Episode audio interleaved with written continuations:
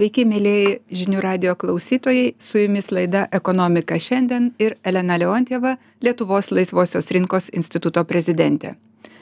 Jau antrą savaitę Lietuva svarsto pristatytą mokesčių reformos paketą. E, pasiūlymų iš tiesų yra daug, tai ir nekilnojamo turto mokesčio įvedimas, ir e, dovanų e, mokesčiai, ir investicinė sąskaita, kuri būtų didelė naujovė mūsų gyvenime. E, taip pat žadama e, sumažinti galimybės taupyti trečios pakopos e, pensijų fonduose. Nemažai naujovių palies ir įmonių veiklą. Ir šiandien apie šitas naujoves pakviečiau pakalbėti mūsų studiją Rūta Bilkštytė, mūsų finansų viceministrė. Sveiki, Rūta. Sveiki, Elena. E, buvom susitikę šioje studijoje lygiai prieš metus ir tuo metu mhm. ne visais klausimais galėjote atsakyti, e, nes mokesčių reforma dar buvo brandinama, o šiandien štai jau ji yra vieša ir tų klausimų yra mhm. daugiau negu reikia. E, labai daug kalbama apie vadinamą gyvulių ūkį. Apgailėstauju, kad tas terminas prigijo Lietuvoje, bet norėčiau pradėti pokalbį nuo tų kurie suneša didžiausią dalį mūsų biudžeto tai yra nuo mūsų įmonių kurių padėtis tikrai nėra lengva geopolitinė krizė slegia ir neatsitiktinai mūsų siūlymu atsirado momentinio ilgalaikio turto nusidėvėjimo nuostata. E, ar mes galime tikėtis kad ši nuostata leis įmonėm iš tiesų suaktyvinti savo investicijas nes vis dėlto nuo investicijų priklauso kaip greitai mes praslinksime per šią krizę? Tai tai taip kai jau pateikėm ga galutinę kaip jūs sakot mokesčių reformą nors mes iš tikrųjų taip skambiai jos nevadinam nes vis dėlto tai buvo mokesčių peržiūra ir ir tos reformos tokių jau kriterijų tikrai neatitinka tos mokesčių peržiūros nes yra nu tam tikri koregavimai tiktais teisingumo linkme o ne kažkokia mokesčių reforma kaip buvo du tūkstančiai antrais metais įstojus į europos sąjungą. Tai tiek apie tuos pakitimus ir kaip matot dėl ir pelno mokesčio pakitimų tai man labai smagu kad vis dėlto atradom tam tikrą konsensusą atradom kažkokį susitarimo kompromisą. kompromisą ir vadinam apie tą momentinį nusidėvėjimą nes pui įvedam kaip tokią naują galimybę nes puikiai supratome kad dabartinės lengvatos kurias irgi pratęsėm dėl investicinio projekto. projekto projekto mtepų ir visa kita kas paketo jo viskas kas yra su kas yra skirta būtent aukštoms technologijoms ir tai yra pagrindinis principas lietuvos kaip maža valstybė kai jinai gali augti tiktais išskirtinai pasižymint aukštoms technologijoms ir tai yra nu pagrindinė kryptis nes kaip ir dabar matom kad nu pagal mokesčių inspekcijos duomenis kad būtent įmonės kurios daugiausiai net naudojasi tom jau tikrai lengvatomis kur tikrai nusinulina pelno mokestį kiek galima tom investicinėm lengvatom ar mtepų jos iš dalies sumoka ir didžiausią vis tiek pelno mokestį. Ir jos yra nu kaip mūsų lietuvos ateitis verslo pramonės ateitis kad būtent per išskirtinį per modernų ir ir aukštų technologijų verslą lietuvos yra ateitis. Jau jau mes niekas nebekalba kad lietuva yra pigios darbo vieto vie jėgos jėgos ir niekada niekas nešnekėjo kad čia yra kažkokių pigių žaliavų apdirbimo e, sritis. Aišku dar grūdų turim čia galim miltus kepti ir bandeles kepti bet ir tai vis daugiau eina link link tai. aukštos pridėtinės yra aukštos pridėtinės vertės e, tikslas. Ir tas yra pagrindinė nuostata kad būtent aukštos pridėtinės vertės kad galėtum skatinti ir tos lengvatos būtų pratęstos ir ir ir dar labiau mes priimam kad tos nes aukštos ver vertės kuriant tokią verslą reikalingi ir talentai. Tai mes irgi pasiūlėm tam tikrą lengvatą kad būtent talentingiems darbuotojams kurie tikrai talentingi yra ir uždirba savo galva didelius darbo užmokesčius kad nebūtų represijuojami ir mokamas e, neproporcingai didelis trisdešim dviejų procentų progresinis mokestis. Ir ir būtent kad būtų tas visas kad ir mtepai ir investicinė aplinka ir darbuotojai kad turėtų į tas aukštas technologijas lietuva turėtų ryškų kryptį ir pagreitį. O apie kalbant apie momentinį nusidėvėjimą tai be abejo mes tikrai per tuos kelis metus po pirmų darbo grupių kai šnekėjom ir daug gavom ir iš verslo ir iš ir ir visuomenėj daug svarstymų ir aišku išgirdome ir gird ir klausėme ir girdėjome kad investicinėm projekto lengvatom yra gana sudėtinga pasinaudoti vidutiniam verslui kurios nu vis tiek yra ir duonos kepyklos ir ir ir panašūs verslai kurie vis tiek yra ir bus lietuvoj bet nu sakykim tokiom e, kad plėsti daugiau investuoti jiems buvo sudėtinga su tom aukštom technologijom kažkaip pasinaudoti tų aukštų technologijų galimybėmis. Tai ir suprasdami šitą situaciją būtent siūlom momentinį nusidėvėjimą kuris ypatingai man atrodo atvers galimybes daugiau investuoti būtent vidutiniam ir tokiam smulkesniam verslui. E, labai gerai bet tuomet e, turiu klausimą kodėl buvo prisirišta prie kriterijų kurie taikomi būtent investiciniam projektui? Suprantu kad tai galbūt yra tiktai kompromisų pradžia ir tikrai reikėtų išvalyti nuo tų perteklinių reikalavimų nes ir pernai darbo grupėje mes nemažai kalbėjome apie tai kad tie reikalavimai nėra pagrįsti tarkim kad reikia pirkti tik e, ne dviejų dviejų metų naujumo įrangą bet ne senesnę. Mhm. kai vokietijoje netgi anglies e, elektros stacijos yra paleistos tai mes suprantam kad tikrai ne nuodėmė lietuvos gamyklai nusipirkti ir trejų metų senumo įrangą ar ne? Galima pirkti įrangą savo e, gamybai bet jeigu tu nuomoji ją mhm. kaip verslą tarkim statybos kranai ir panašiai tai jau nebegalima laikyti mhm. investiciniu projektu ir mes e, išgryninom visą sąrašą tokių apribojimų kurie tikrai jau jeigu mes einam link momentinio nusidėvėjimo ten neturėtų būti taikomi.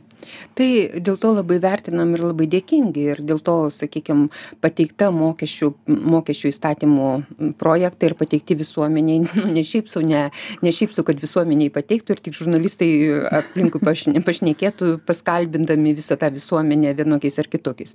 Mes tikrai finansų ministerijoje laukiame e, išvalgų ir pasiūlymų, nes yra, nu, kaip sakant, labai natūralu, nes tu visko nesužiūrėsi arba tau atrodo vienai, bet nu kiti argumentai kur galima rasti kažkokį konsensusą tame tarpe ir dėl nusidėvėjimo sakykim klasių pra praplėtimo ar dėl dabar irgi mes praplėtėm tą dalyką kad nebe nebebus naudojamas tas sakykim senaties terminas jau įdėtas tam tikras taip bet tam vis tiek statiniai bet ne pastatai. E, ir yra tokių apribojimų kurie tikrai nu labai riboja ir turbūt konkurencijos prasme nėra teisingi. Tai... Iš tikrųjų, tai dar, e, jeigu mes kalbam, vis tiek čia yra apie papildomą lengvatą ir kad ir pinigų srautų, bet jinai vis tiek kainuoja apie 90 milijonų. Ir jeigu mes pradedam skaičiuoti, iš ko mes turim surinkti dar papildomai 10 ar 20 ar 30 milijonų, nu, kad kompensuoti taip. tą, kad nebūtų skilė biudžetui, nes nu, vis tiek bus. Tada ta kita pusė jinai kažkaip tais nu taip užtyla. Atrodo, kad, kad dovanos tai jos savaime kaip krenta, o kad reikia nu, kažko nu, tai galim padiskutuoti nes vis dėlto tai nėra lengvata tai yra specialus e, mokesčių režimas. Taip bet pirmas daktar, suprantam kad tai yra kompromisas. gydytojams ir ir mokytojams nesakysim mes turim specialų mokesčių režimą ir šiais metais jum dar atlyginimo nekelsim bet po trijų metų kai sugrįš tos visos investicijos tada jūs dar pakentėkit keliems metams ir tada jau bus viskas tvarkoj. Tai jeigu jūs taip nu sakykim toks susitarimas būtų ir ir visi sakykim kai biudžetas biudžetas bus svarstomas ir bus tikimasi kad atlyginimai bus keliami investicijos bus keliamos ir bus vis laukiama kada jau sugrįžta sakykim pridėtinė vertė iš tos momentinio nusidėvėjimo kuri bus čia ir dabar bus skylė.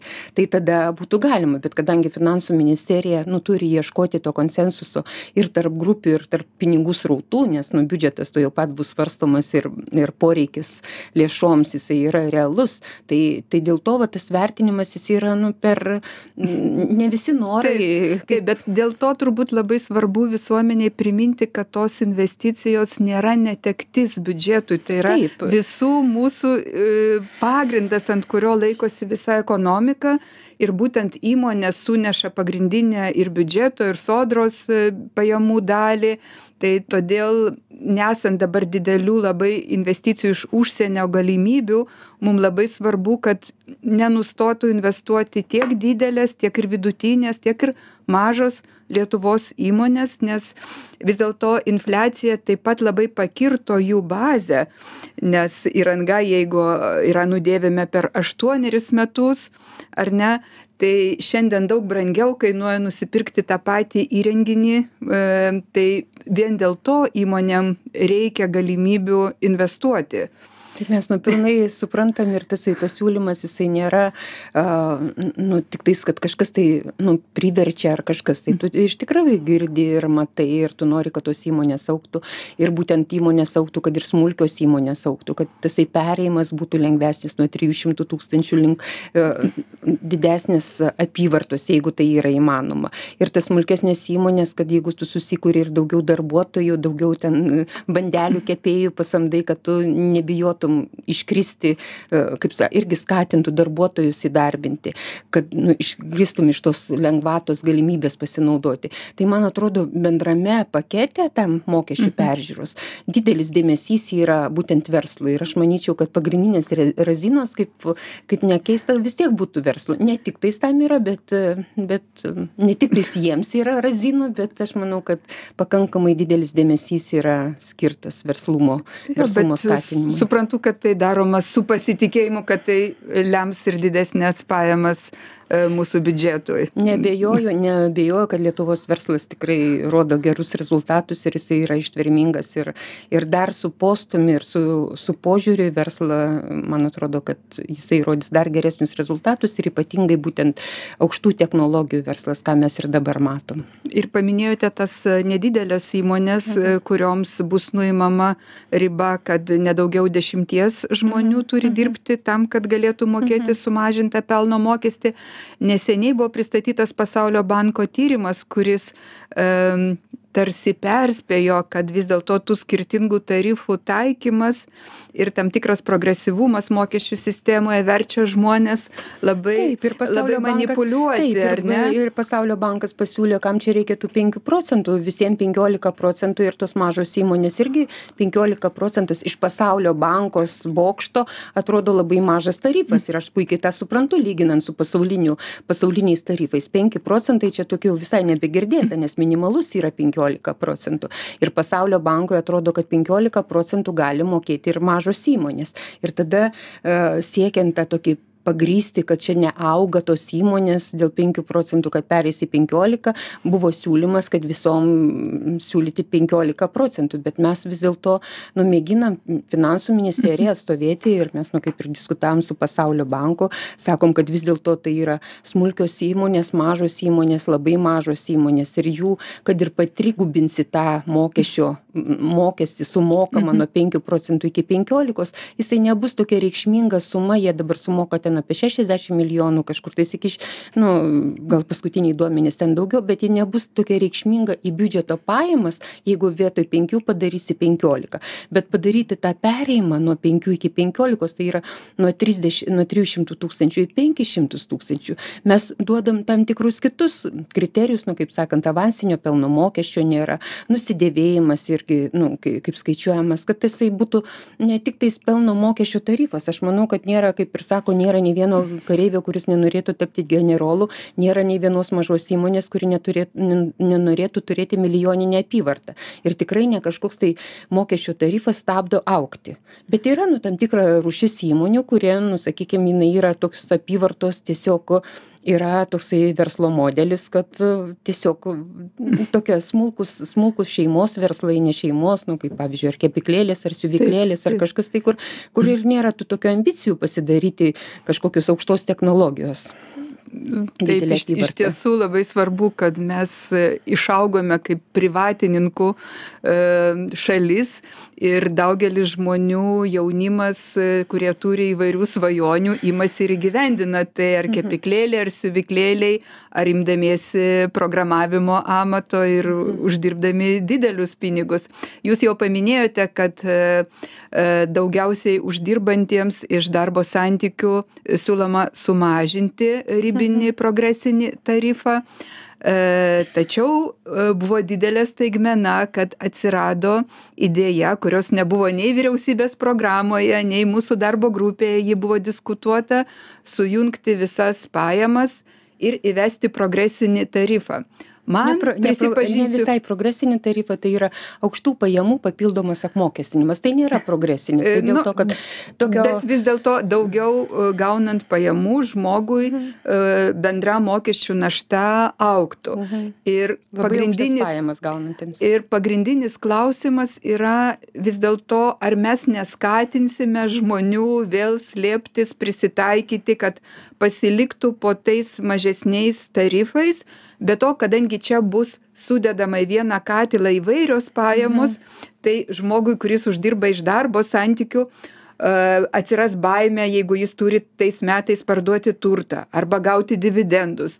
Ir tai, kas normaliai turėtų nešti džiaugsmą ir daugiau pajamų į šeimos biudžetą, gali tapti tuo peršokimu į kitą apmokestinimo e, pakopą, ne ne ne visai tas į kitą apmokestinimo pakopą nes iš tikrųjų tai yra yra papildomas mokesčio mokestis papildomom aukštoms pajamoms kurį mokėtų apie šešiolika tūkstančių gyventojų iš visų mokančių virš milijono deklaruojančių pelno paj gyventojų pajamų mokestį.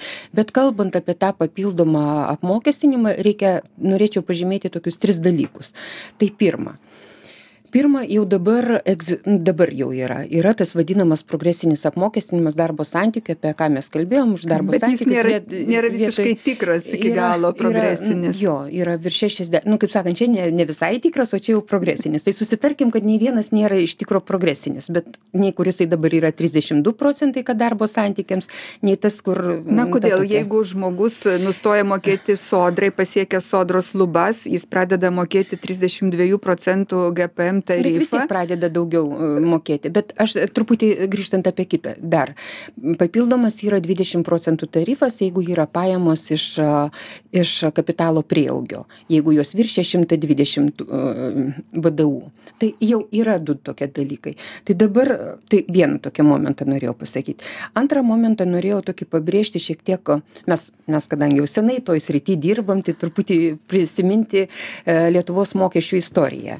Ir tokia kaip formavosi mokesčių kokie buvo mokesčiai kokie pakeitimai ir ir kas dabar yra. Tai puikiai prisimenam kai lietuva nu sakykim tik gavo nepriklausomybę ir čia visi iš iš sakykim iš tų sovietinių laikų visi lygūs ir vienodi. Ir tada kilo klausimas kad reikia vis dėlto skatinti Lietuvos nu kapitalą auginti. Ir buvo priimtos tam tikros mokestinės lengvatos, kuomet buvo neapmokestinamas prieaugis iš kapitalo nulis akcijų pardavimas palūkanų pajamos nulis nekilnojamo turto pardavimo pajamos nulis. Tai nebuvo lengvatos tiesiog nebuvo lengvatos mokesčiai tiktais nebuvo mokesčiai dar ne nepasiekė tų sričių sakykim viskas taip. pasiekė bet bet esmė buvo nulis nu nepasiekė kai buvo įvesta bet tos lengvatos galioja dvidešim metų. Ir ką ką jos sukūrė? Kaip mes matom iš politikų deklaracijų kai kuomet pateikė kad vis dėlto labai daug užaugo to vadinamo kapitalo yra sukaupta kuris tai buvo sukauptas sumokėjus nulį mokesčių. Nulį mokesčių. Jisai teisėtai niekas nieko nekaltina bet jis yra sukauptas kapitalas kur buvo sumokėta mokestinė našta nulis. Ir dabar iš to sukaupto kapitalo toliau yra investuojama palūkanos akcijų prieaugiai e, dividendai mokami. Ir manyčiau ir ir ir tasai tas sakykim gyve mes tikėjomės kad daugiau tų kapitalo susikaups ir susikurs kažkokia viduti vidurinė klasė ir ir daugiau bus tos vidurinės klasės kurie turės e, pakankamai didelę dalį savo pajamų iš kapitalo. Tačiau kaip matom pagal pajamas tos vidurinės klasės yra tiktais vienas procentas tos tikėtinos kur mes tikėjom pri pri nu kaip sakant kad susikurs per tas lengvatas. Ir dėl to tas papildomas apmokestinimas prieinu prie trečio momento vadinamo vertikalaus teisingumo tai papildomas apmokestinimas kuris tai būtų šešiolikai tūkstančių gyventojų vis visų. Ir papildomai galėtų sumokėti septyniasdešim virš septyniasdešim milijonų eurų. Aš manau kad tai yra ir te teisinga žiūrint iš istoriškai. Jeigu man kas nors va kur tas mokėtojas pateiktų pateiktų savo deklaracijų deklaracijas apie sukauptą nu to kapitalo ir kad būtų sumokėta bent penkiolika procentų gyventojų pajamų mokestis aš tada galėčiau nu tą diskutuoti kad taip čia yra papildomai jis jau sumokėjo ir dabar dar papildomai. Bet kada žinant bet, žinant, bet žmonės noriai mokėjo tuos dividendus žinodami kad yra penkiolikos procentų mokestis. Klausimas ar jie taip pat noriai išsimokės žinodami kad yra dvidešim du. Ar vėl nebus paskatintas išlaidavimas per įmones su kuriuo tai jūs kita nu, ranka kovojat? e, nėra tasai kovojimas nekovojimas yra tasai skatinimas yra išlaidavimas per įmonę yra reglamentuotas ir ir palyginus kiek tu gali ten tų kotletų per įmonę suvalgyti. Vis tiek tau reikalingos nu savo lėšos bet nu jeigu taip kalbant bet e, iš kitos pusės tai yra tai kad e, tas tas mokestis jisai dividendų mokestis, ką norėjau pasakyti, kai jūs sako 22 procentai, dabar dividendų mokestis pagal apmokestinimo lygį Lietuva užima šeštą vietą mažiausiai apmokestinama dividendus. Po pakeitimo jinai liks tam pačioj vietoj šeštoj vietoj. Na, pažiūrėsim. Nu, pažiūrėsim aš, aš, pagal prasme, konkurencingumo indeksus. Taip, manau, kad tai, mes pasislinksim manau, žemyn. Aš, e, aš tik matau pagal situaciją, kai lygini, kokio yra dividendų apmokestinimo tarifai kitose šalyse. Tai Lietuva yra šeštoj vietoj, bet daugiau kaip e, mažiau kaip 22 irgi bus šeštoj vietoj. Tai reiškia, nu tas. Bet efektyvus tarifas vis dėlto yra 27,5. Žmonės gali pagalvoti, kad iš tiesų kapitalo savininkai prisideda tik. Ne, nebūtinai jo, bet taip, taip. yra dvidešimt septyni su puse tai mhm. nėra taip jau mažai mhm. o penkiolika procentų sumoka išmokėdami dividendus. Taip, nes penkiolika penkiolika yra įmonės mokestis pelno mokestis penkiolika yra gyventojų pajamų mokestis. Tai tasai sudėtas sumos kadangi jos yra ne ne nuo tos pačios tai nėra trisdešim yra ten dvidešim devyni tai viskas viskas viskas taip yra yra galutinis toks. Bet jeigu imant tą papildomą mokestį aukštų pajamų pajamų. Tai ten susidės ir dividendai ir visos kitos pajamos kurios yra apmokestinamos tik apmokestinamos. Gerai padarykime trumpą reklaminę pauzę. Primenu klausytojam kad mes šiandien kalbamės apie mokesčių reformą su lietuvos finansų viceministre rūta bilkštyte likite su žinių radiju grįžtame į žinių radijo studiją. Su jumis laida ekonomika šiandien ir elena leontjeva lietuvos laisvosios rinkos instituto prezidentė. Ir apie mokesčių pertvarką. Toliau kalbame su rūta bilkštyte lietuvos finansų viceministre gerbiama rūta vakar turėjome susitikimą su visais e, dalyviais mūsų mokesčių lengvatų peržiūros grupės ir vienas iš jų uždavė labai korektišką klausimą apie trečios pakopos e, taupymą, apie pensijų kaupimą, kokių tikslų kelia savo valstybė E, nenorėdama kad žmonės toliau galėtų tęsti tą kaupimą savo pensijai nes kita dalyvė mūsų pokalbio e, taip pat minėjo žmones kurie gyvena ypatingame skurde ir ne paslaptis kad dažniausiai tai būtent pensininkai tai mhm. tikslas turėtų būti kad ir per antrą ir per trečią pakopą ir per gyvybės draudime žmonės galėtų turėti tą alternatyvą valstybinei pensijai? Labai gerai surišot abu klausimus ir abi abi replikas. Nes iš tikrųjų skur skurde gyvena kaip ir vakar pažymėjo maždaug tiek žmonių kiek vilniuj iš viso gyvena. Bet nu gal ten mažiau ta prasme vilniuj gal daugiau gyvena bet iš tikrųjų didelis skaičius virš trijų šimtų tūkstančių ir tikriausia jeigu paklaustumėt tų žmonių ir pažiūrėtumėt nei vienas jų nesidraudžia trečiam pensijų pagal trečiam pensijų fonde dėl to kad paprasčiausiai neturi lėšų pragyvenimo ne tiktais apie draudimą eina kalba. Tai vienas tasai momentas vienas iš tų atsakymų kad tos sakykim tiek gyvybės draudimo tiek sakykim į trečią pensijų fondą tai vis dėlto yra paskatos truputį neskurs nemažas pajamas gaunantiems o o vidutines ir ir didesnes pajamas gaunantiems gyventojams. Tai vienas toks atsakymas antras atsakymas kad kad vis dėlto ir lietuvos bankas padarė tyrimus ir panašiai. Dažniausia kad vis dėlto tas sakykim ypatingai gyvybės draudimo pasiūlymą ir aš esu gavusi pasiūlymus ir labai daug esu gavusi informacijos apie mokestines lengvatas kokios būtų taikomos jeigu jeigu pasinaudotumėt šita lengv šituo gyvybės draudimu tai iš tikrųjų produktas yra parduodamas ne kaip gyvybės draudimo produktas o kaip mokestinė lengvata. Ir visas tasai sakykim tasai visa a visa nauda ateina per mokestinę lengvatą nu ką reiškia gal, nauda gal čia mūsų mentalitetas kaltas man, man irgi tiesą nu, sakant nepa, nepatinka kai yra akcentuojama būtent Taip, lengvatos, lengvatos pusė, nes aš kadangi pati mhm. dalyvavau mhm. rengiant tą mhm. pensijų reformą, tai labai gerai žinau, kad idėja būtų, kad žmogus vieną dalį nukreiptų į sodrą mhm. ir kitą dalį nukreiptų privačiam kaupimui. Bet kaip sodros įmoka mhm. nėra mhm. apmokestinama ant viršaus jokiais mhm. mokesčiais, mhm. taip ir šita įmoka neturėtų būti apsunkinama kitais mokesčiais. Taip, tai mes va kaip ir pagrindinė idėja. Mes dar susidurėm ir su ta problema, kad ne visi moka tą GPM, kur bazinei pensijai ir ir dėl to nu kaip sakant ir apie tai va kaip šnekėjom čia mhm. apie individualią veiklą kad kodėl sakykim bazinę pensiją tikisi visi gauti ir verslo liudytojai ir ir kažkas tai nu skundžiasi kad tik bazinė pensija bet vis tiek tikisi ir bazinę pensiją bet ne visi sukaupia tai bazinei pensijai jo bet tai buvo visgi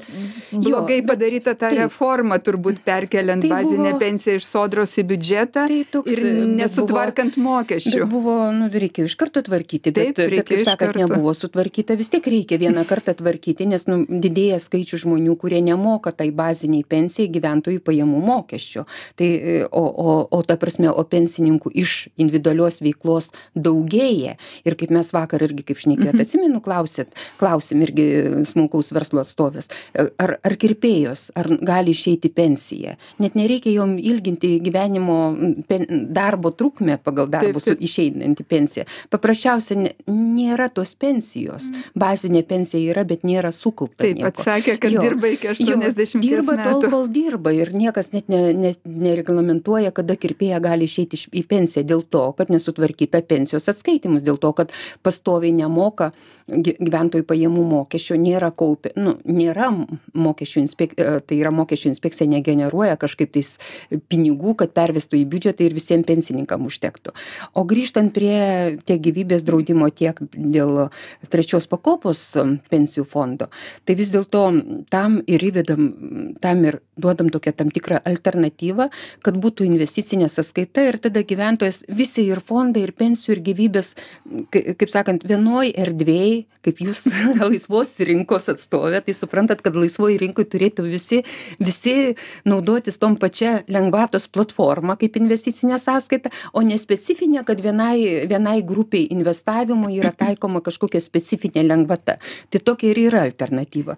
Ir jeigu grįžtant prie bet investicinė sąskaita e, numatytas apribojimas iki dešimties tūkstančių tai eurų per tai metus. diskutuojam dar šiandien okay, turėsim tai čia kompromiso pradžia jo, turbūt ar ne? Nes, dar, nes man tai primena situaciją kai tėvas duoda vaikui ke, kelis tūkstančius ir sako mokykis e, pirkti akcijas mokykis verslumo tai čia suaugusiam žmogui turbūt nereikėtų nu, tai, tokių ribų tai uždėti. Bus, bus matyti čia, koks galutinis bus tas, nes ir šiandien dar turėsim su, būtent su ekspertais jau tokį techninį susitikimą, nes nu, mes irgi su Lietuvos banku kartu darėm ir yra tam, tikri, tam, tam tikros argumentacijos, kodėl buvo siūloma ir, nu, siūloma 10 tūkstančių, bet bus dar sugrįžtama.